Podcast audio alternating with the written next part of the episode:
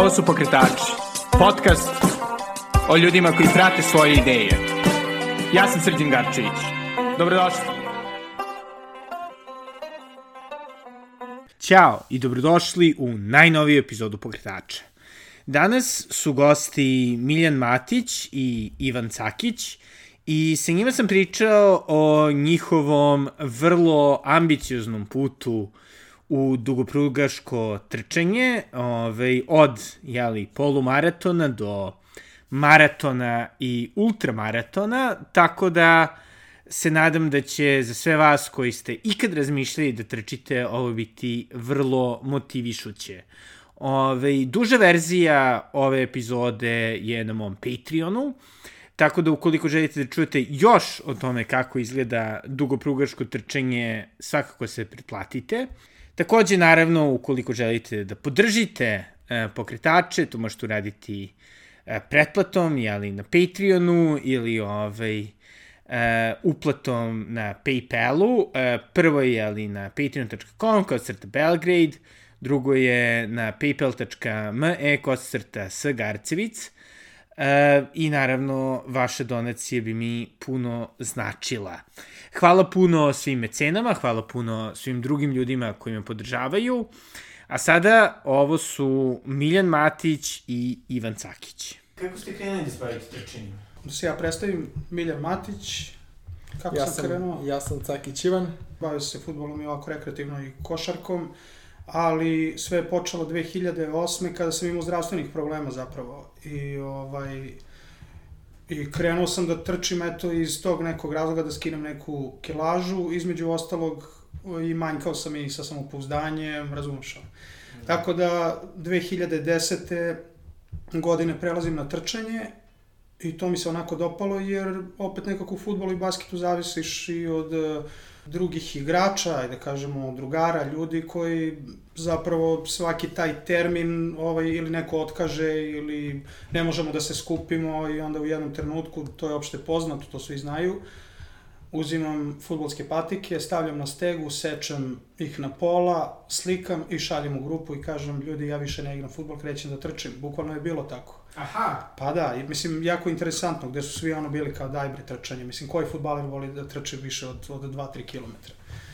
I promenio sam i taj režim ishrane zapravo tako što sam otišao i kod drugara koji je doktor na VMA, pa je rekao čoveče 2 metra si ono pod zemljom za mesec dana ako ne promeniš nešto gotov si mislim, kao neko ko isto krenuo da trči da bi smršao. Pa, ja sam krenuo to zapravo... To nije najočiglednija stvar, zato što kad si teži, svi ti kažu, ali kolena, ali gde ćeš ti da trčiš? Pa dobro, ali u, u to vreme zapravo toliko trčanje i nije bilo popularno, zato što, evo, ja sam, živim u Rakovici, ajde da kažem, blizu Rakovice, Resnik se zove mesto, gde sam imao i košnjak i javalu. Uglavnom sam išao u Košnjak jer tamo je bilo dvoje, troje ljudi koji su trčali i to je bilo kao, vidi onaj trči tamo. Da. Mislim, i uglavnom sam bio dobar sa, zapravo sa profesorima sa DIF-a, penzionerima koje sam upoznao tamo, mahneš im i kao, to je to. Ali, ovaj, kažem, to je sve bilo ono kao po 2, 3, 4 km i onda kad dođeš kući, istuširaš se i osjećaš se lagano. I zapravo kažeš, čoveče, to je to. Pa malo onda na šipkama, radiš malo vežbe, i vidiš onako neki pomak, neki boljitak. Znači, to je bilo onako, kao, ajde kažem, svakodnevno. Da skratim priču, 2012. godine već se priključuju onako ljudi, vide na Facebooku, tada Instagram nisam ni imao, ne znam ni da li postojao. Jeste. I onda su krenuli ljudi, ono kao, ja mogu s tobom da trčim, ajde, ne znam, idemo zajedno, daj da se organizujemo i kao, super, dvoje, troje ljudi je krenulo. I ovim putem pozdravljam Vladu, mog drugara, koji je tada krenuo sa mnom. I I tako... su to i dalje bile ove neke kraće distance? Pa to su bile distance tipa do 10 km, zapravo u Košnjaku. Dosta je bilo ele, elevacije tu. Nismo mi išli na Adu pa kao radili ono, kao sad će da bude ono ravno. Nego zapravo smo imali, pravili smo u to vreme sigurno po 200-300 metara u 10 km, što, što je onako za početnika, da kažemo, trkača, nezamislivo da neko sad krene da trči i da ode košnjak gde može da se napravi zapravo 200-300 metara, znači da ima i uspona. I zapravo ja mislim da je to, da je onako to onako zanimljivije trčanje i nizbrdo i uzbrdo i pešačenje, bilo je tu svega, nije to bilo isključivo samo trčanje. Znači to je kraj 2012. godine zapravo se pravila neka desetka, 10 km 11, kako kad si raspoložen. I eto, znači to je 2014. smo već krenuli da razmišljamo o polumaratonu, istračao se prvi Beogradski, pa onda kao, ajde, pošto volimo dosta da putujemo, u Zagrebu se dešava nešto, otvaraju se te trkačke agencije, sve više i više ljudi počelo da se prijavljuje, pravili se i trkački klubovi, ovaj, veliki pozdrav za njih, i eto, Zagreb kao drugi polumaraton, otišao si tamo kao da sam otišao, ne znam ni ja, ono, na Zanzibar, ono, kao, proveo sam se fenomenalno, I eto, tako počelo je 2014. sve, ajde da kažemo 2013. Da kažemo neki početak onako. Znači 2014. godina Beogradski u aprilu, u septembru um, Zagrebački, 2015. Limasolski na Kipru u martu mesecu, pa onda uh, trka, prva trka Patrijarha Pavla u Rakovici, jedna od dražih, Onda smo tu stali malo, ali smo pojačali sa treninzima, ali maratone smo onako malo zapostavili. Tek 2016. kreće prava priča, ali evo dajem prednost Sakiju da i on kaže nešto. Pa iskreno, iskreno da budem, moj prvi trkački početci dolaze iz totalno drugog ugla. Uh, na sreću nisam imao nikakvih zdravstvenih problema, pa bi, pa bi se iz tih razloga upustio u trčanje. Ceo život sam u sportu, kao klinac sam trenirao futbol, dugo sam se zaluđivao tim stvarima i onda 2016. dobijam predlog od strane moje bivše koleginice i jako dobre drugarice Sandro Zelac isto ovom prilikom je, je pozdravljam. pozdravljam. Ona je ozbiljna trkačica sa ozbiljnim rezultatima. Dobijam ideju kao, je, hoćeš da krenemo da trčimo, da se spremamo za polumaraton. I sad iz, iz ugla nekog ko je sportista, ko je trenirao ekipni sport, ko je trenirao ekipni sport sa loptom, mi je delalo suvo trčanje, ne, ne vidim uopšte poentu trčanja pravolinijski to jest to prazno kako sam ja to tad nazivao. I ona meni kaže, ok, ali uh, ajmo da vidim, da pogledamo sportsku opremu, patike i tako dalje. Uvek sam ga veliku ljubav prema sportskoj opremi još, od, još iz dana futbola. I rekao, ok, ajde da probamo tako. I onda smo krenuli patike, ne znam, shorts, majica, helanke, šta god ide uz to i malo po malo krenem ja da se spremam. Istračim svoj prvi polumaraton 2016. Onda dobijem ideju, ajde da spojimo sportsku aktivnost, putovanje i ovaj i druženje. I tako smo došli na ideju, tako su, kren, tako su krenula ta trčanja, ne znam, prvo u Bosni, onda svi mogući polumaratoni uh, od Splitskog, Dubrovačkog, uh, Os, u Osijeku smo trčali zajedno, da, da, da, Miljan ja se ovaj, poznajemo od 2017. godine, naš prvi, prvi polumaraton je bio u Budimpešti 2017. A tu ste ste i upoznali? E, par dana pre toga sam ja došao do radnje, gledao sam neke patike, tad sam ja i čuo za, za, ovaj, za Run and Mori. Vrlo brzo, nakon par rečenica smo se nas, nas dvojica skapirali u smislu, ok, ovo će da bude jako dugo prijateljstvo, interesuje nas uh, trčanje, druženje, sportska aktivnost i tako dalje i onda smo onda smo i zajedno ovaj, trčali e, polumaraton u, u, u Budimpešti. Da, išao si u Ljubljanu isto, pa nisi mogao iz zdravstvenih da, da, problema. Pa... Iz zdravstvenih problema nešto sam se prehladio bio, to isto 2017. Nisam mogao da. Da, da, da trčim polumaraton u Ljubljani. Ustupio sam svoju, svoju participaciju, svoju, svoje mesto Miljanu i Miljan je trčao u moje ime, ali sa, sa, sa rečenicom... Ja sam bukvalno bio, ja sam, ja sam tada bio na poslu gde mi on šalje poruku, ajde idi umesto mene. Da. O, opet hoću da kažem, nismo se toliko baš onako poznavali da je, nego jednostavno ono, kroz trčanje, pa nekako, eto, došlo je tako spontano, čovjek zove, kaže, ajde, brate, umesto mene, ja Jedan, jedan je uslov je bio da trči ispod 2 sata. Da je ispod 2 sata. da, da, da, a moje, nemoj moje da me vreme... brukaš, nemoj da me brukaš pošto je, pošto je na moje ime. I ajde, ja sam u tom trenutku bio i spreman na neki način, pa sam išao, pa ajde da kažem neki tempo, evo da se izrazim 4 minuta, 45 sekundi, 50 sekundi, znači sad, da ne mogu sad izračunam koliko je to, već mi mozak onako matematika je baš... Pa recimo, da, ajde sat kažem, 1 sat 40, 40, tako nešto. I to je bilo vreme fenomenalno. To je sjajno vreme, da. Sjajno vreme, njemu stiže valjda poruka ili je pratio valjda i kao svaka čast i to je to, da. tako da... Onda, onda je on meni postavio ovaj, dobar, dobar cilj za, za moje dalje spremljenje. Onda je on jurio moj, jurio taj zapravo ispod. moj tempo ispod Aha. i Mislim, to jeste dosta zanimljivo za trčanje, pošto ja li kao svi ga zamišljaju kao izrazito individualni sport, onako dosta dosadan, ja recimo uglavnom ono kad trčim, trčim sam i sve to, ali zapravo u proteklih, da kažem šta, deseta godina se dosta razvila ta neka Pa evo ono, ja lično, sporta. da, ali evo ja lično, na primer, uh, i kada trčim, opet, pošto volim dosta da putujem, i uvek gledam, uvek gledam da, da, da se spremim za nešto. Znači, tipa, evo, na koliko smo mi sa trka išli zajedno, nemam pojma, evo, išli smo na Istru, možemo nešto da kažemo i o tome. Naravno. Ovaj, treniramo, putujemo, celu Srbiju smo obišli sve planine skoro, ajde, Caki je i dosta više obišao, on je išao i hajk i ovako i onako i u planinarskom društvu je, tako da više je obišao od mene, ali uvek, uvek se, kada trčimo, uvek se spremamo za nešto da odemo negde, da vidimo, da vidimo nešto novo. Zapravo to je ono što lično mene motiviše. Spremam se za trku na 42 km, evo moram da pomenem Atinski maraton, ja sam sedam, sedam godina za redom, idem u tu Atinu, između ostalog i zbog prijatelja koji, koji su tamo, pa onda zajedno trčimo, ovaj, spremamo se za to, viđamo se i tako dalje. Tako da, ovaj, i, i pored toga, kažem, druženje je, druženje je između ostalog, ne samo trčanje. Slažem se u potpunosti, ali jako, jako je bitan moment e, postaviti sebi cilj. Ako postaviš sebi cilj da ti da u narednih par meseci ili za šest meseci ili za godinu dana istrčiš 2, 3, 5, 7 trka kako god ili koja god kilometražu, pitam da li je polumaraton, 10 km trka ili ultramaraton, e, ta motivacija koja, koja, koja nadolazi je upravo iz postavljenog cilja, tako da tebi treninzi lakše padaju. Meni odlasci na planine i e, ta planinarenja koja ja idem u, u, u 70-80% kad Milja ne može ili kad, kad ovi ostali prijatelji ne mogu, ja idem sam zato što znam da je meni to trening. Ne samo odlazak u prirodu radi e, čistijeg vazduha, provođenja više vremena u prirodi i tako dalje, nego prosto shvatim to kao jedan, jedno, jedan vid treninga i sve ono što će mi biti potrebno na toj određenoj trci, konkretno ultramaraton e, za koji se obojica spremamo u, u aprilu na, na 110 km.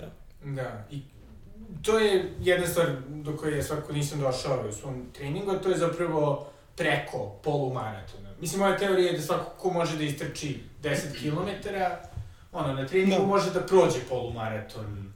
Ovako i onako, što je otprilike, da kažem, E sad, iako, iako mi Da. trčimo 42 km plus uh, i zapravo, evo, uh, spremamo se za tu kilometražu, uh, Cak ima iskustva već sa 130, Ui. gde sam, na primer, ja odustao na 90 km i jako sam srećan zbog toga, zato što čovjek treba da zna kad treba da stane, kad mu je loše i ponosan sam na to, jer ni u jednom trenutku nisam osetio ono grižu savjest, a ima toga kod trkača. Znači, radi ono sujeta tipa, Ma nisam završio, nešto mi smetalo. Znači, neš, neš, neko je drugi kriv pa nalaze neko. Ono. Ne, zapravo, e, koliko treniraš, toliko ćeš kilometara i preći, kako se spremiš, ali ima tu milion faktora.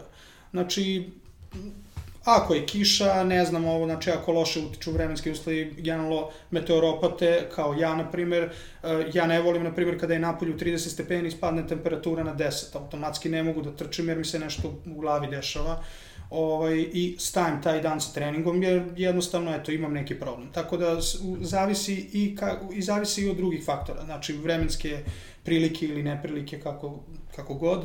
I, i ovaj raspoloženje. Samim tim opet evo bili smo na 170 km izdešavalo se šta se izdešavalo, nismo bili spremni ni psihološki, godine neko kre, nekako krenula lično po mene onako bez veze.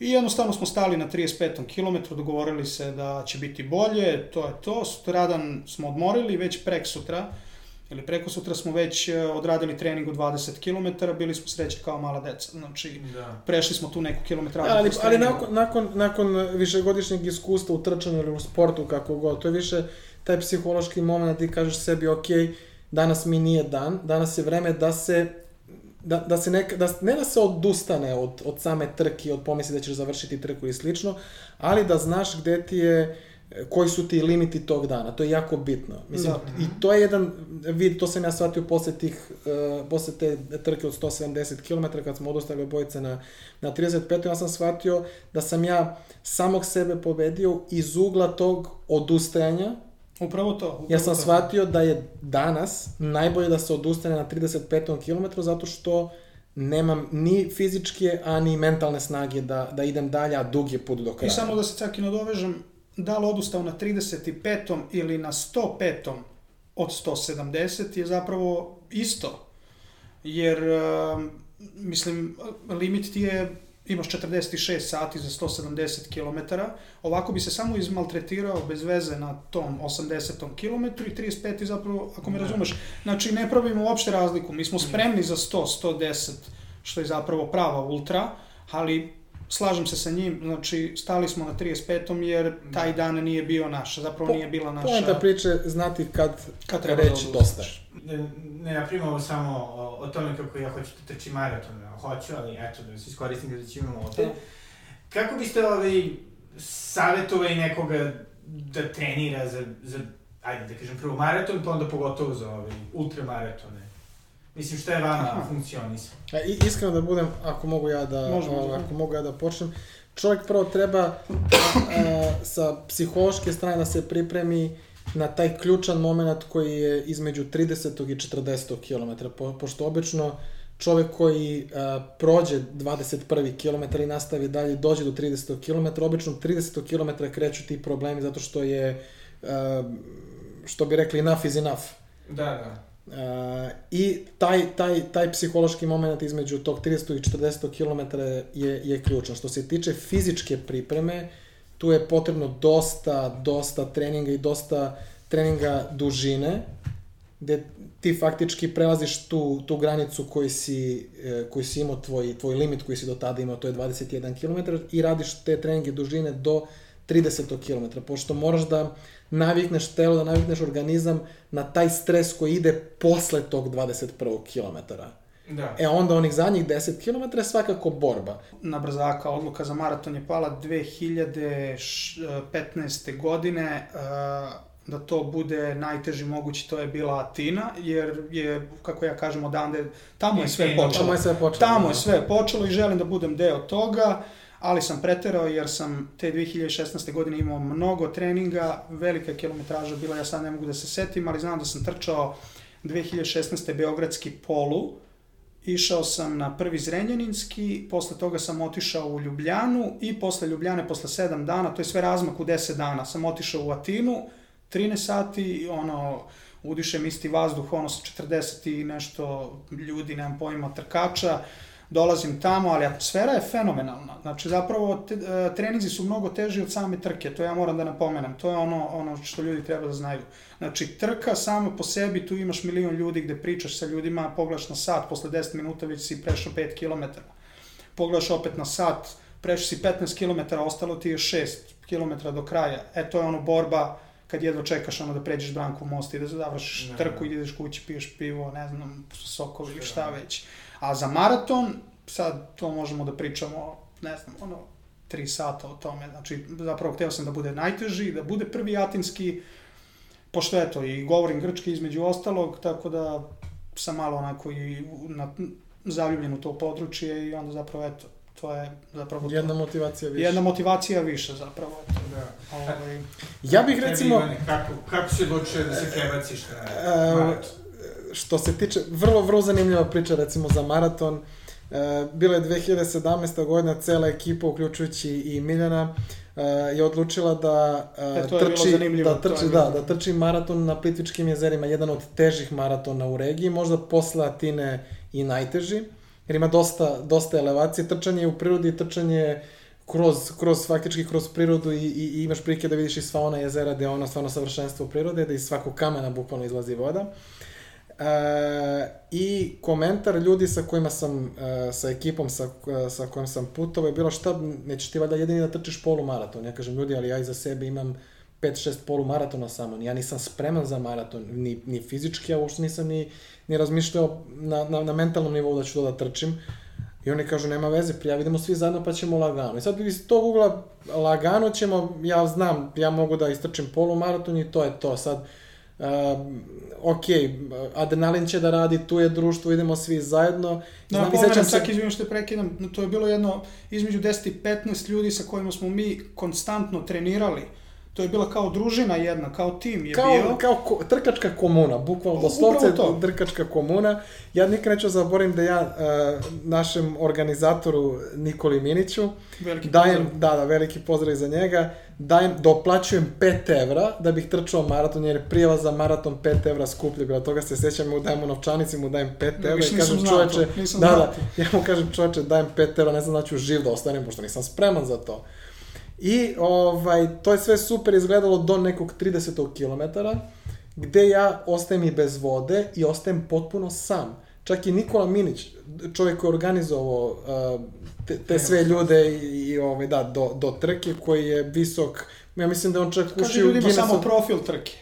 To je jako Da, da, da se vratim na profil trke gde je prvih eh, 9 km nizbrdo, a onda na, nastavak 7 km je uzbrdo i to ozbiljno uzbrdo. To nije kao 7 km, ali eh, valovito. Da. Ne, to je 7 km konstantne uzbrdice. Pa 13 stepeni, evo ljudi koji znaju, na primjer, 13-14 stepeni ti je, ti je vertikala. Znači to je hajk. To je hajk. S tim što smo, s tim što smo dobar deo te vertikale i trčali, jer Da. neiskustvo, manjak trka i tako dalje, motivacija je velika, zaboravljam Da. na to da ja imam 42, ne 21 km. I dolazim ja do tog 30. km i nekako do 32. trećeg gde i Nikola koji je težak preko 100 kg i visok 2, koma nešto, mislim da je on čak jedan od najviših maratonaca na svetu ili ultramaratonaca. Pa, Tako ultra, je, je ultramaratonaca. Mislim da, da, ultramaratonac, da, da nijedan čovjek te visine i, i te težine, ne kažem tih gabarita, nije trčao, nije odlučio da trči ultramaraton, što je onako uh, iz, uh, iz, zdravstvenih, iz zdravstvenog ugla nije mnogo zdravo, budući da se tu i hrskavica dosta troši i, i, i šta sve ne usput. Kad je on mene prestigao u tom momentu, ja sam shvatio sam ja u ozbiljnom problemu, pošto i najspori trkač mene prestiže, a ima još dosta do, do cilja. Ali, eto, uz, uz pomoć nekih ljudi koje sam na kraju uspio da sretnem i na okretnoj stanici na 35. kilometru, koji su uspeli da me dodatno motivišu da kažu da imam vremena da ću stići na, na, na cilj, iako su mi noge bile potpuno oduzete da sam ostao i bez soli, i bez elektrolita, bez, bez vode. Faktički da su me na toj okretnoj stanici povratili u život. E, taj, taj, taj raznak između 32. i 33. i 35. km sam skroz ispešačio i preponosan sam bio na sebe, ja sam od 35. uspio da trčim do kraja trke. Ne Wow. samo da nastavim, nego i da trčim. 7 km. Da. To je dosta. Da. U toj situaciji. U toj situaciji je dosta. Jedna kad sam završio tu trku, u sebi sam rekao nikad više, ali to je trajalo samo u tom momentu, onda kad su, kad je ta energija i taj adrenalin malo splasno, onda sam shvatio, ok, možda bih mogao da se malo ozbiljnije spremim i da nastavim sa ovim trčanjem, pošto sam dobio opaske e, par meseci pre toga, ne, ne, nema potrebe da se ti maltretiraš kakav maraton, verujem i za tebe je samo polumaraton, ja sam te ljude do nekle slušao, slušao do, ni- dok na kraju nisam odlučio da dam tih 5 evra, Meni je uvijek simbolično tih 5 evra, jer zato što tih 5 evra je zapravo bila kocka između polumaratona i maratona, između uh, ostanka maltene u životu, po Da. znacima navoda, ali generalno sjajno iskustvo. To je bio moj prvi maraton, jedan od težih maratona u regiji. Sjajno. To je bio moj drugi maraton zapravo, je li tako? Da. Da, da, da. Znači 2016. Atinski u novembru i 2017. Plitvička jezera u julu. To je bilo Tako je. preko 37-8 stepeni. Znači to isto moramo da naglasimo. Znači, ok, to je baš pakao jer jedan deo se ide kao kroz pa nije šuma, ajde kažem, to je kao nacionalni park, ali tu je i voda i vlaga. Vlaga je najveći problem, na primjer, u, u trail trčanju, ako pričamo o trail trčanju. Znači, vlaga je najveći problem. Ako se leti trenira, na primjer, u šumi. Kažem, ljudi moraju da se navikavaju na to i da pro, provedu dosta vremena, na primjer, ako, ako je trail u pitanju, znači mora treniraš u šumi, da imaš elevacije i tako dalje. Jer, eto, čekate preko 5000 metara na trci, za to moraš da se spremaš, na primjer, moraš da, što se kaže, da ono napneš i noge, i glavu, i ruke, ali kažem, imamo, imamo motivaciju za to i Da. da ne pričam sad unapred, vidjet ćemo šta će se desiti, to je april mesec. E, Iskreno, slažem se sa njom, recimo, jedan deo, deo motivacije može da se crpi iz uh, kupovine uh, nove opreme za trčanje patika, pa ti to daje motivaciju. Onda, s druge strane, kao sada slušaš priče ljudi koji imaju iskustvo u tome, koji, koji su prošli mnogo što šta i onda ti oni daju dodatni, dodatnu energiju, dodatni boost da ti zapravo uđeš u svetu i probaš. Ja sam tako recimo ušao u svet ultramaratona, trail ultramaratona po, uh, po planinama, ja sam slušao mog, mog drugara Dekija, koji mi je pričao o tim ultramaratona, sam rekao, I pozdrav slušaj, za Dekija. Da, da, ovo veliki pozdrav za Dekija, kako ne. I onda sam shvatio uh, koliko zapravo iz te njegove priče, njegove interpretacije tog ultramaratona, ja sam rekao, Deki, ja ovo moram da probam. Ja, mislim, sve stvari koje si ti doživao i znam da je muka i da je patnja i da je to, uh, da je to više trka iz glave i više e, psihološka trka nego zapravo fizička. Ti fizički možeš da budeš besprekorno spreman, važi za sve trke, uključujući i maraton, ali da ti u tom trenutku nešto fali. Recimo, ne znam, bolite stomak, bolite noga, bolite glava, ali to nije nijedan razlog za odustajanje. Baš naprotiv. E, meni se desilo, recimo, moje iskustvo govori da a, mentalnom snagom može da nadomestiš fizičku bol. Ja sam ja recimo na tom ultramaratonu od 130 km, 90 km išao sa žuljevima, sa krvavim nogama malte ne. Ja sam imao drugi problem, mislim, nadovezat ću se posle cakiti. Da, i onda, i onda shvatiš da, da je zapravo moguće da mentalnom snagom pobediš fizičku bol, da ne razmišljaš o, o tome da te sve boli, da te zapravo sve boli, ali imaš cilj. Tvoj cilj je da završiš trku, uh, ne po svaku cenu, ali nekako ti je taj prag tolerancije mnogo veći, jer vratiš film unazad koliko si se spremao, koliko si vremena utrošio na to, koliko si puta rekao svojim prijateljima, izvini, ne mogu večeras, ne mogu ni sutra ujutru, jer idem dalje, koliko puta si spavao van kuće, da bi mogao da treniraš, koliko puta nisi spavao uopšte, nego noću trenirao dok su ljudi dok su ljudi spavali, pošto ultramaraton od preko 100 km znaš da ćeš ući u jednu noć sigurno da ćeš celu noć ostati budan. Zvuči pakseno. jeste, jeste, jeste. Pa evo ti pričamo o Istri 2021. na primjer u septembru, inače u aprilu, ali su pomerili kao zbog pandemije u septembru, gde je temperatura bila nekih 30-ak, 2, 3, ajde da kažem, ono, u sred dana i uveče da se temperatura spusti na 6, 7, 8 stepeni, na primjer, i to je u sred noći, posle ponoći, na primjer, gde, gde meni, na primjer, sunce uopšte ne, pri, ne prija mi, na primjer, ta promena I isto što je jako bitno, e, zbog čega sam ja odustao baš na toj trci gde je Caki završio 130, ja sam odustao na 90. km, znači kod Motovu na negde. Meni je već bilo loše na 80, e, u stvari na 45. km zapravo.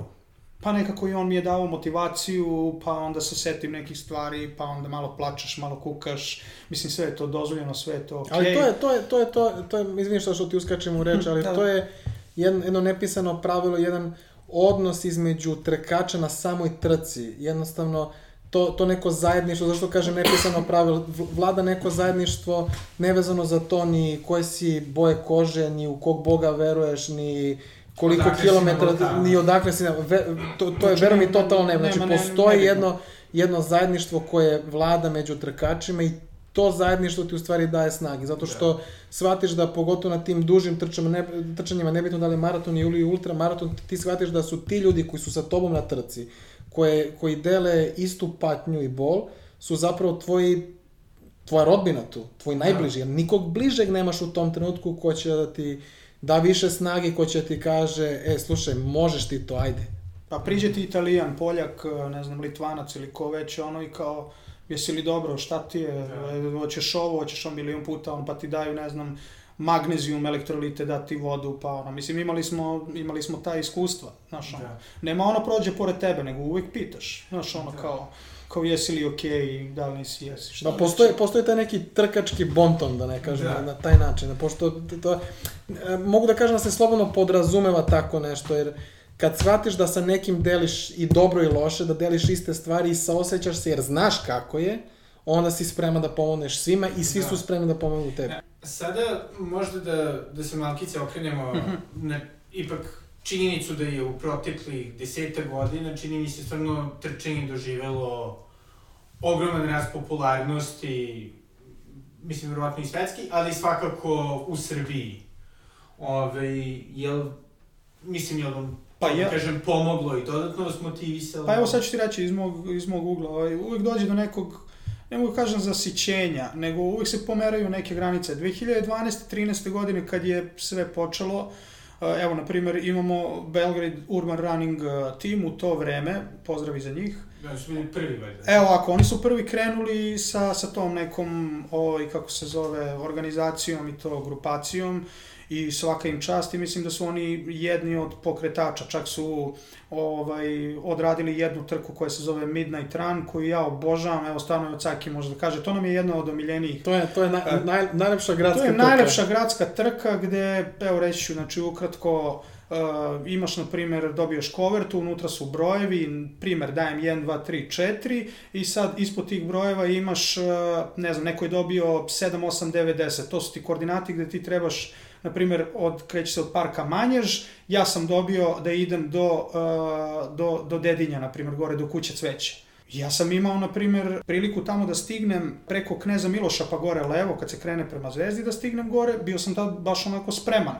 Ali imaš dva sata fore da prikupiš sve te checkpointe, to su zapravo checkpointi Aha. koje trebaš, koje trebaš da obiđeš Imaš, i da, onda... imaš, imaš, ovaj, imaš narukvice koje, koje, se dele. skupljaš, uh, iz koverte vadiš svoje, odnosno iz koverte vadiš listu checkpointa, u principu trka je Belgrade Midnight Run, koliko dobro poznaš svoj grad. A kako, uh, sad, kako gledamo, ovaj, tad uh, su ljudi krenuli da trče i to je baš krenulo onako masovno, da se izrazimo onako, da se ljudi lože. I to je bilo, stvarno to vreme je bilo najjače. Sad mislim da su ljudi krenuli, kako Caki kaže, možda malo i onako i pomodarstvo. Ja znam dosta ljudi koji su nakupovali tu opremu, koji su bili u, mo, u mojoj radnji zapravo, kupili opremu gde mi onako prilikom izlaska iz radnje onako poželimo sreću i vidimo se negde na stazi. Zapravo ti ljudi kad se vrate u radnju, vrati se sa 15 kg viška. Poznajem ih dosta. Uz pitanje, jel trčite, ma de, trčim, ne mogu da stignem od posla. I onda kreće priča. Sad, neko, neko ima razlog, neko ima opravdanje, neko nema. One koje baš dobro poznajem, ne mogu stvarno da opravdam to, zato Moje, što... moje mišljenje je da je, da je generalno ovaj, uh, u pitanju popularizacija celog sporta, ne samo u Srbiji, nego jednostavno taj vid popularizacije je došao i u Srbiju. Između ostalog sam ja ostavio komentar pomodarstvo, ali u pozitivnom smislu pomodarstvo. Da, Ne, zato, naravno, što, naravno. zato što je u pitanju promovisanje zdravog načina života, promovisanje sporta i hvala Bogu pa je tako, hvala Bogu pa se u današnje vreme ovaj, uh, pa u današnje vreme pomodarstvo trčanje. Što je, što je u principu super. I Kroz sport, kroz da, sport, naravno, generalno. kroz sport.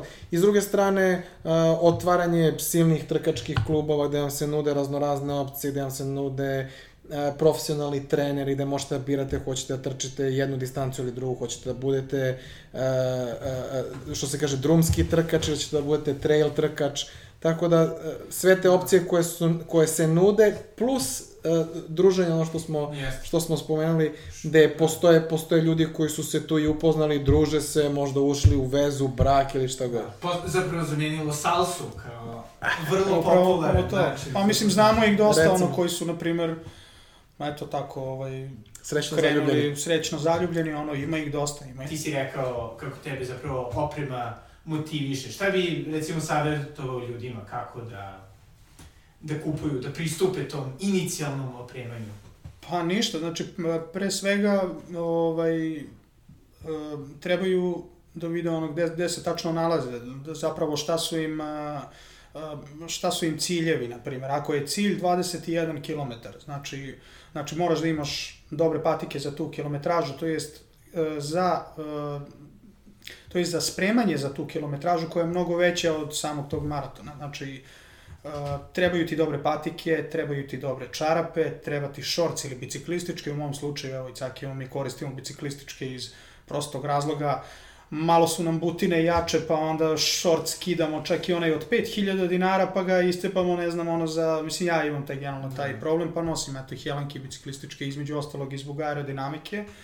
Um, majica i šuškavac, to su sve materijali koji traju i po 10 godina. Znači, treba odvojiti novca za to i ovaj, i eto, sad zavisi i kakva je, u kom, u koji dobi treniraš, na primjer, ako je to zima, onda svakako moraš da imaš i majicu dugih rukava, moraš da imaš i taj, ajde da kažemo, Treba, kombat, kombat majicu, ne znam, ili eh, šuškavac neki koji je ne znam, eto, neka bude 12-13 hiljada dinara. Znači, o, ta, to je oprema koja, koja te ovaj, motiviše zapravo da, da treniraš. Mora, za, mora da se odvoji. Ako, ako imaš cilj 21 km ili 42, onda moraš da imaš dobru opremu za to. Znaš, jer uz, e, mi uzimamo i, na primjer, kad dođe u radnju kod nas, mi uzimamo neke parametre. To je odmah kad nam uđe čovjek, mi gledamo visinu, težinu, i onda čekamo, čekamo ovaj, pitanja, pod pitanja i ono. A naša su koliko imaš kilograma trenutno, ne znam, visok si 180 i imaš 90 i nešto kilograma. Šta ti je cilj? Cilj mi je polumaraton. Znači, automatski moraš da prestaneš da jedeš. To jeste da se malo zdravije hraniš da sma, iz svog ličnog iskustva. Da. Znači, ja sam morao da spustim, imao sam 105 kg 2010. godine, krenuo sam polumaraton da trčim sa 78. I pa zapravo otud i vreme, 1.52, 1.40, 1.45, čovjek se osjeća mnogo moćnije onako. Ti završiš trening, na primjer, ne znam, oznojiš se, mokar si, ne znam, uhvatila te kiša, neka ti dođeš kući, istuširaš se toplom vodom, napraviš čaj ili popiješ, ne znam, ono, belu kafu ili šta već, ti si pobedio taj dan. Znači, odmah automatski praviš raspored za sutra. I zapravo šta mene motiviše, to predlažem i drugima da naprave kao taj neki raspored, raspored trčanja. Kažem, neko ima manje vremena, neko više, ali ja mislim da za sport mora da se odvoji da se odvoji vreme. Barem sat vremena, 45 minuta do sat vremena, pa neka to bude 3-4 km. Da. E, mislim da ljudi trebaju da se, da se kreću. Mnogi od njih, evo poznajem ih, oni su sa Banovog brda, je li tako? Znači imaju košutnjak i imaju Adu Ciganliju. 7,7 je pešačka zona. Izađi, odradi trening 1-4,5 km na čas, svi imaju satove, svi imaju smart telefone, mogu da izmere i neka im to bude nekako neka motivacija. Ali mislim da je oprema, da je oprema najbitnija.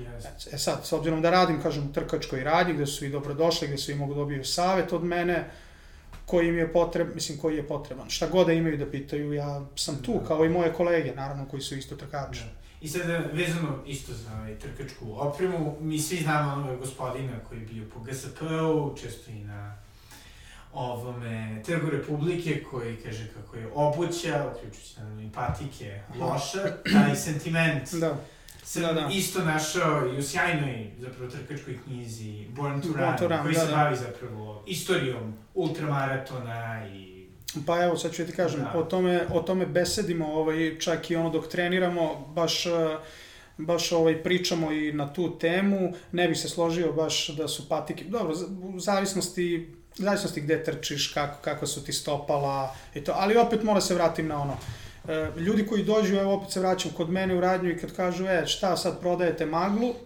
zapravo su ljudi koji, kako da kažem, to je, to je neka grupa od 55 do 65 godina, koji su nekada trčali u starkama, znam dosta njih i koji su preduzetnici, koji mogu da priušte sebi najbolju moguću opremu, nego jednostavno im nije jasno zašto patika košta 21.022, 21 znači ili 18 ili 15, nije ni bitno. E, mi smo otvorili radnju zapravo da objasnimo ljudima uh, strukturu same patike i zašto ona služi. Čoveka bole kolena, zato što je trčao u starkama jer nije hteo sebi da obezbedi dobru patiku za trčanje. Mm -hmm. I moje pitanje je sledeće. Zbog čega ne trčite? A on kaže, imam problem s kolenima. Pa u čemu ste trčali ranije? On kaže, e, ovoga nije bilo. Je rekao, ja znam, ja radim ovaj posao već 17 godina sa trkačkom opravom, se bavim već više od 15 godina. Evo, na primjer, vi ste trčali u starkama ili nekim patikama koje su dosta uh, minimalistične u odnosu na ovo što, sada, što se sada pravi, na primjer. Da. Uh, I on kaže, pa imaš pravo.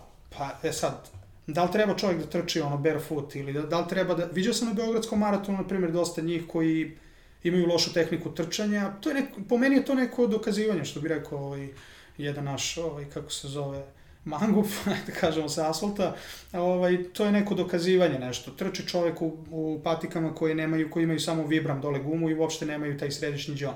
To je jako opasno zato što tu može da strada ahilova tetiva. Mortons neuroma koja se nalazi između malog i, i do malog prsta, znači sa spoljne strane se to dešava, znači to je u prednjem delu stopala, to jest jastučići, može da strada taj ITB ligament, on se nalazi ispod kuka i, i dolazi do kolena sa spoljašnje strane. Znači to su uglavnom povrede, znači imao sam ih, pričam iz svog ličnog iskustva, tako da ili od prekomernog trčanja ili od neadekvatne obuće. Znači, jako je, bitno, jako je bitno da se izabere dobra obuća, ali da bi izabrali dobru obuću moramo da vidimo šta su šta je cilj čoveka zapravo. Ne ono kao kupio sam dobru patiku, neću da treniram, trčim, trčim 15 km. Ne treba mi patika od 22.000. Dobro, ako ne prelaziš više od 30 ili 40 na nedeljnom nivou, preporučit ćemo ti patiku koja je od 9 do 12.000 dinara, na primjer. I to je sasvim ok za početak. E onda ćeš samo videti, ako, ako si zavoleo to, onda ćeš doći u radnju i reći ćeš, druže, ja prelazim 50 km nedeljno, meni se ovo mnogo sviđa. A imali smo, imali smo takve primere, takve trkače, na primjer. Da. Čak i ljudi koji imaju po 60 godina. Gde je čovjek provirio samo kroz izlog i rekao, imao je 110 kg i došao i, i, i kupio je jedan par patika, vraća se posle 6 meseci, pozdravljam ga ovim putem, on je iz Crne Gore, iz Podgorice, 55-60 godina, ne znam tačno koliko ima, ali se vratio fit.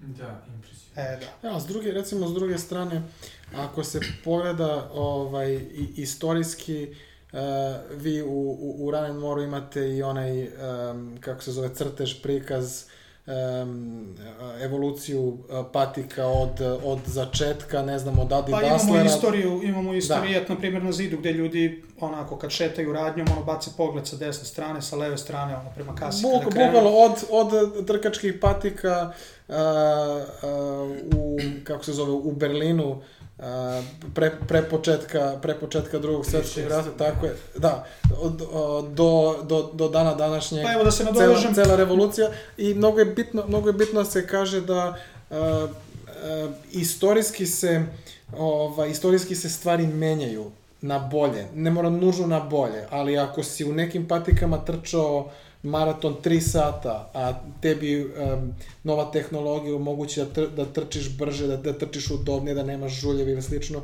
ne mora nužno da znači to što je novo i Da, to to što je je, pravilno i to što je skupo, da, da i ne mora i da nije, i da nije s onog zdravstvenog aspekta a, dobro. Mislim da su to, mislim da su to samo ko komentari idu, individualnih a, ljudi, a, subjektivnih ljudi, da on verovatno u svoje ime kaže, slušaj, ja mislim da to i to ne valja ili to i to nije dobro, ali ako pogledamo a, evoluciju patike od samog začetka do dana, do dana današnjeg vidjet ćemo ogromnu razliku. Da, da. Gde tebi patika pomaže i da, i, i ovaj, kako se zove, uložak da ispraviš uh, način na koji gaziš, da popraviš način na koji hodaš, da ne ulazim sad u detalje kao što su, ne znam, brže trčiš polumaraton ili bilo koju trku Da. ili slično, ali jednostavno pa dobro, sad se Dobro, pravi, mislim isto i funkcionalno, ono, nešto će duže da traje, nešto ima bolji grip.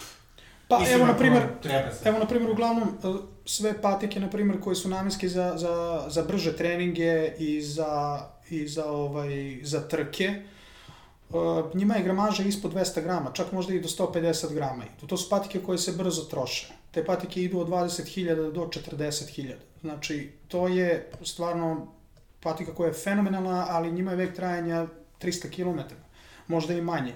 I onda znaš, mi preporučujemo uglavnom uh, trkačima koji, koji prelaze tu 30 km, 20-30 km na nedeljnom nivou, preporučujemo za sporo trčanje, pošto jedno od pitanja je koliko brzo trčiš. A ja trčim 5.30 do 6 minuta po kilometru. Odlično. Koliko para želiš da izdvojiš, na primjer, za tu i tu patiku? On kaže, uopšte mi nije bitno, samo da mi je udobno. Ja automatski odlazim u magazin i za njegovu, to jest konstituciju, uzimam jedno, pet, nalazim 5-6 modela koji bi potencijalno moglo da budu za njega. Znači, to su modeli tipa, ne znam, da ih navedem. Možeš. Pa evo, znači imaš na primjer od Asics-a sad koji je stvarno podigao onako lestvicu, imaš na primjer Nimbus, to je za neutralan gaz, stvarno poboljšali od, za razliku od prošle sezone, imaš na primjer Pegasus koji je za nijansu, za nijansu brža patika, ali isto tako se vodi kao neutralna, ona je za nekih 60 eura jeftinija, 50 eura jeftinija, E sad postoji tu razlika, ova je, sp- Asicsova je sporija, um, Nike se bazirao na malo bržu varijantu, jer svaka patika koja ima uzanu petu se smatra brzom patikom, kao što je Vaporfly. Vaporfly uzimaju ljudi koji prelaze koji prelaze po 80-90 km na nedeljnom nivou i koji su stvarno onako tehnički potkovani. Ja nemam problem da pitam koji je vaš pace, ne znam, na, na, na 42 km, on kaže da mu je, da mu je tempo 3.40, znači bez problema mu dajem patiku od 35.000 dinara, jer vidim koliko je ozbiljan. Da. Da. Sad, uglavnom su, uglavnom je to neka onako klijentela koja bira.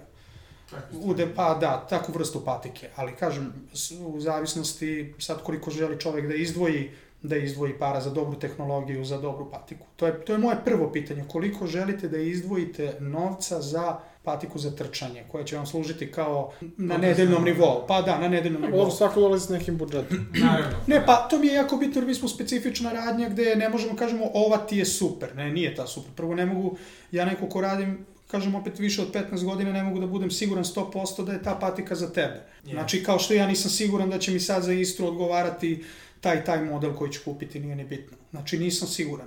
I imam lepo iskustvo, ali ajde ponovit ću to. Ako ne bude okej, onda promenit ćemo, idemo dalje. Da. Znači jeste to ono kao sad neko ima para, neko nema, neko troši više, neko manje, kao nije to jeftino. Trčanje uopšte nije jeftino.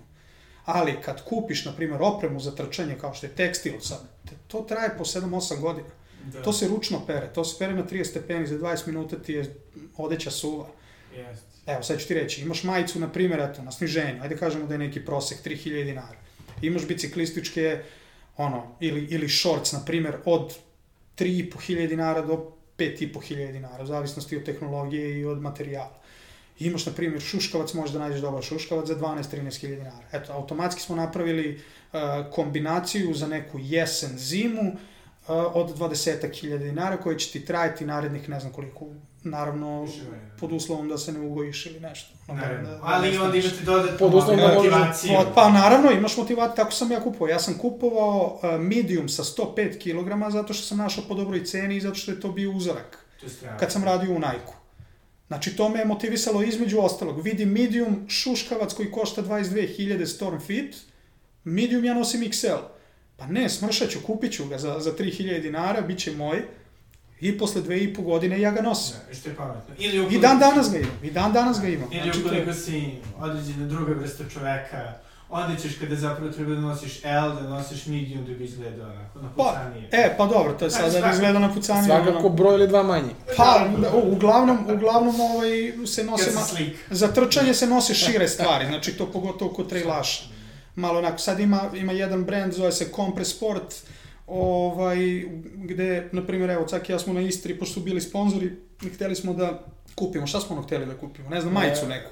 Da, Uzeo si large XL, ti generalno nosiš medium. da. On je obukao, ne znam, XL, a ono kipi na sve strane, ono steže, ono, tako da to nije brand. Jeste, jeste sam, ne, ne, ne, ne, nešto što su sitni, jeste to kompres i to mora da bude tesno i slično, Naravno. ali e, uzorak koji su oni pravili, odnosno ljude koji su oni uzimali kao modele, Su su, fit. su fit u ultra, ultra trkačkom smislu fit, Da. što znači bukval kože. kosti kože. tako možemo 7% to- masti, ono, ajde da je, kažemo, ono... tu nema šta da- tu dok nema smo šta mi da- na Otprilike 60, kao ono. mi.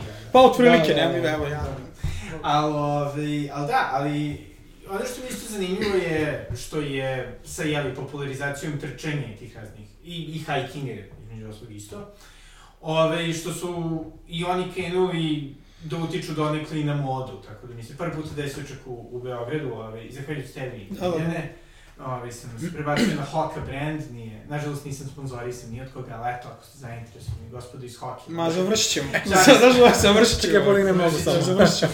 Ali ovaj, da, da ljudi kažu, vide, ne znam, nosim hoku i dok se šetam, a ti mora da trčiš, ja kažem, da, znali, onda tu malo pričamo. A hoću da kažem, sve u svemu, donekle i ceo taj, ono, da kažem, aktivna moda postala i kao moda. Koliko se to vidi, ovaj, E, pa to se vidi, to mi, to mi preporučujemo. Zapravo, ovaj, e, kako se zove, evo mi na primjer dobijamo uniformu e, od svakog brenda na, na primjer na šest meseci. I onda kada uđe, na primjer, devojka i momak uđe u radnju i kaže meni se sviđa to što ti nosiš, ja želim to da kupim njemu.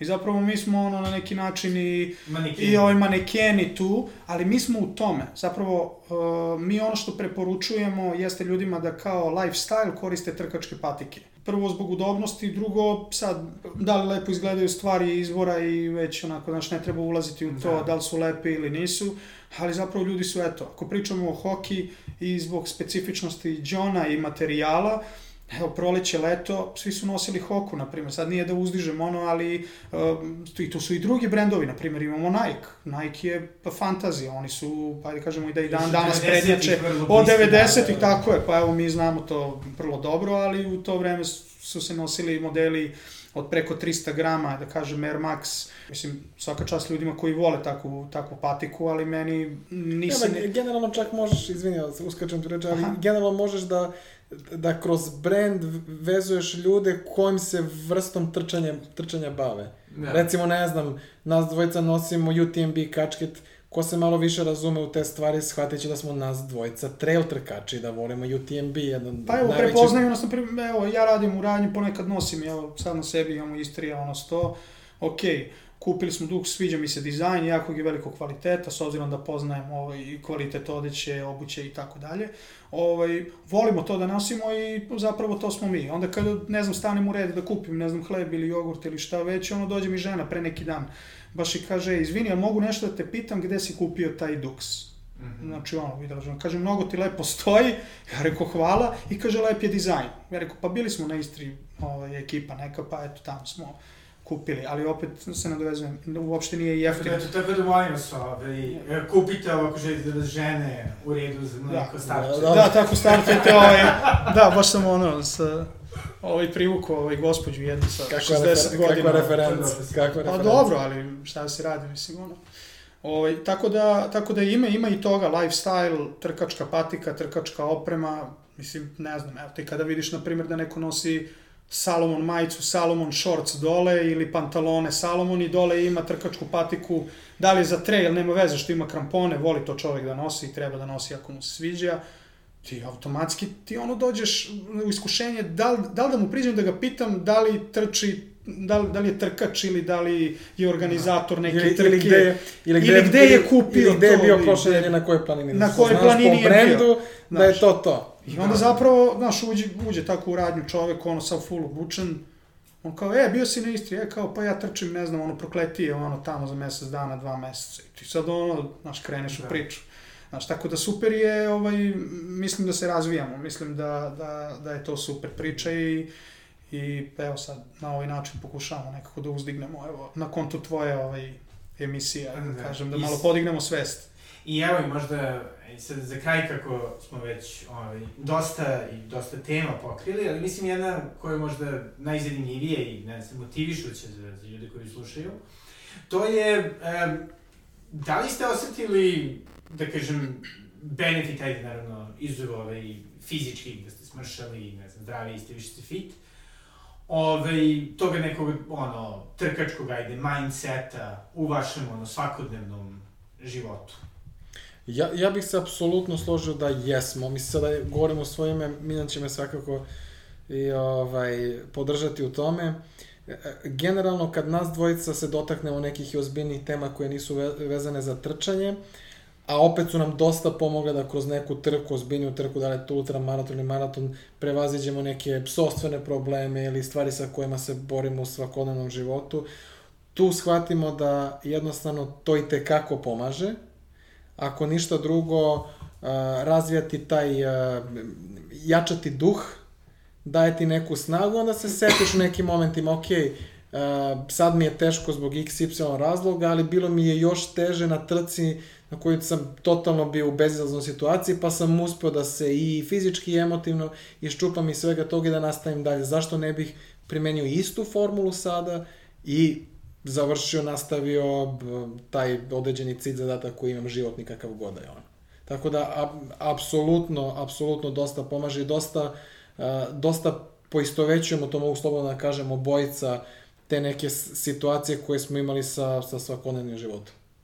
Pa ne, pa slažem se, evo sa Cakijem, a opet e, sad kroz glavu mi prolazi ovaj jedan dokumentarac, e, evo, pozdravio bih i, i Dačo iz Ultra Trkača Srbije, gde on na početku jednog filma koji se zove Tour de Jean, pogledajte ljudi, super je, ovaj, kaže na stazi, na stazi ili na trci, ili kako, kako se već izrazio, e, mogu zapravo um, kako se ono izrazio, da je, da je bolji čovek zapravo, da je, da je dobar drugar, da je, meni sve to prolazi, na primer, kroz, kroz trčanje, kroz, um, kroz trku, kroz glavu, da li sam ja bolji čovek, da li sam bolji momak, da li sam bolji brat, ujak, nemam pojma, ovo ono. Znači, složio bi se sa, sa Cakijem sve što je rekao. Tako da, Na, na, dosta- napraviš, napraviš rekapitulaciju maltene celog života, pogotovo kad su u pitanju te, ovaj, te dužinske, dužinske trke i imaš prilike da da se posvetiš samom sebi, da razmišljaš o mnogim stvarima o kojima možda ne bi razmišljao ovako dok si na poslu ili van posla ili u slobodno vreme i tako dalje. Ovdje imaš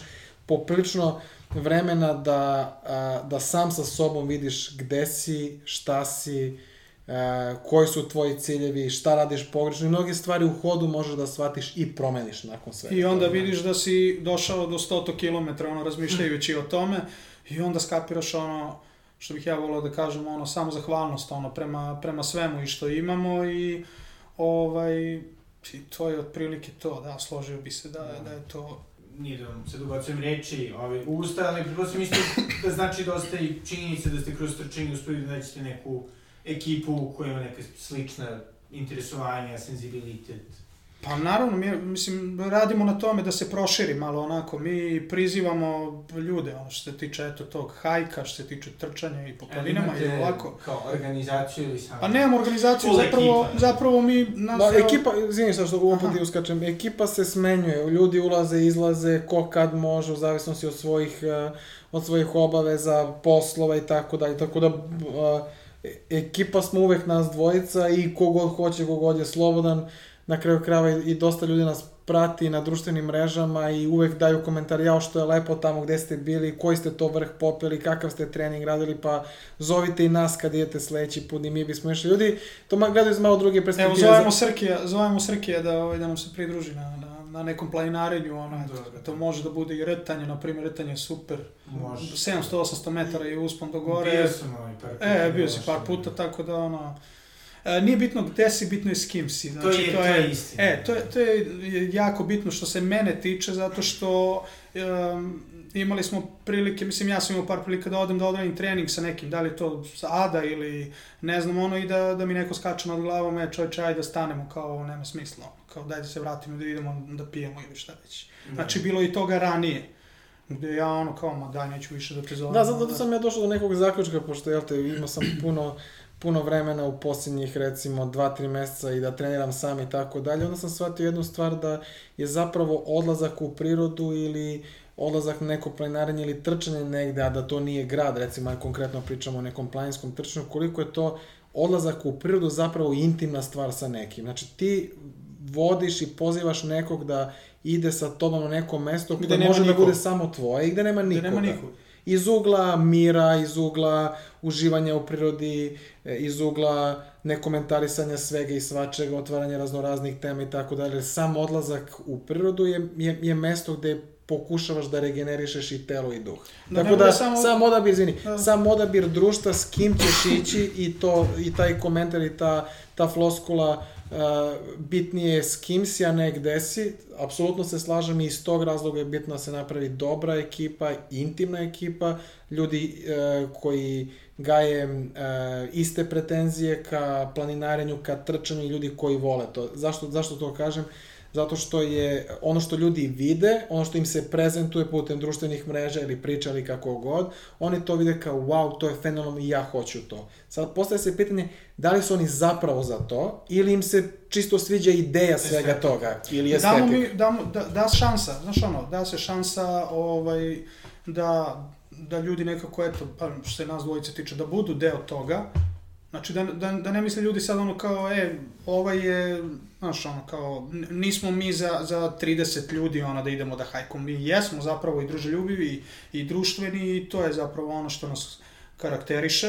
Ne samo ono, mene, ja, pa da kažem, ne želim da me definiše on kao Emiljan Trkač, znači ne definiše me to, da pravo definiše me družba, ali opet, kažem, imamo to neko iskustvo gde, gde, gde ljudi onako krenu sa tobom, pa onda, e, ovo je, krenu jedan put i onda ih nema nigde, znači onako nestanu. I sam, sam kraj, kako da vas kontaktiraju? Uh, Caki, aj ti prvi. Pa, iskreno rečeno, ja sam poprilično aktivan na, ovaj, na društvenim mrežama, Instagram je Ivan Cakić, sve spojeno, tako da i, i aktivan sam, ljudi mogu da vide i što se tiče treninga, što se tiče ovih planinarenja, odnosno hajkova i što se tiče vizualno slike, pošto ja volim i da, da fotkam i slike i snimke dronom i tako dalje, tako da, tako da u, u potpunim celokupnu onu sliku kako zapravo izgleda na planini i čak i iz priče perspektive, tako da ovaj, što da ne, mislim, iskreno rečeno, nama jeste u interesu da napravimo tak, takvu komunu, takvu grupu ljudi koji stvarno dele tu ljubav i tu želju za odlascima, putovanjima, druženjem, e, komentarisanjem istih ovih stvari koje, koje volimo, što da ne, što nas više ima, to je bolje, nema šta. Pošto se mene tiče Miljan R U N Far ili Miljan Run Far, ja kačem sve i svašta, tako da ovaj, uglavnom sve vezano za trčanje, pošto eto radim i u trkačkoj radnji, mogu da me nađu i u Run and More, uzun Mirkova 10, kod Kalemegdana, tako da eto, tu je, tu je radnjica i svi su dobrodošli. Ne moraju da kupuju, ali mogu da dođu, eto, da, da, da se pozdrave, da malo ćaskamo, eto, znači neki savet je da dođu ako mogu, eto, oko 10 ujutru kada nemamo gužvu ili, ili predveče ono u pola 9 do 9, tako da eto možemo da se upoznamo i tamo, ali eto Instagram Miljana Ran Far i Facebook Miljan Matić i to je to.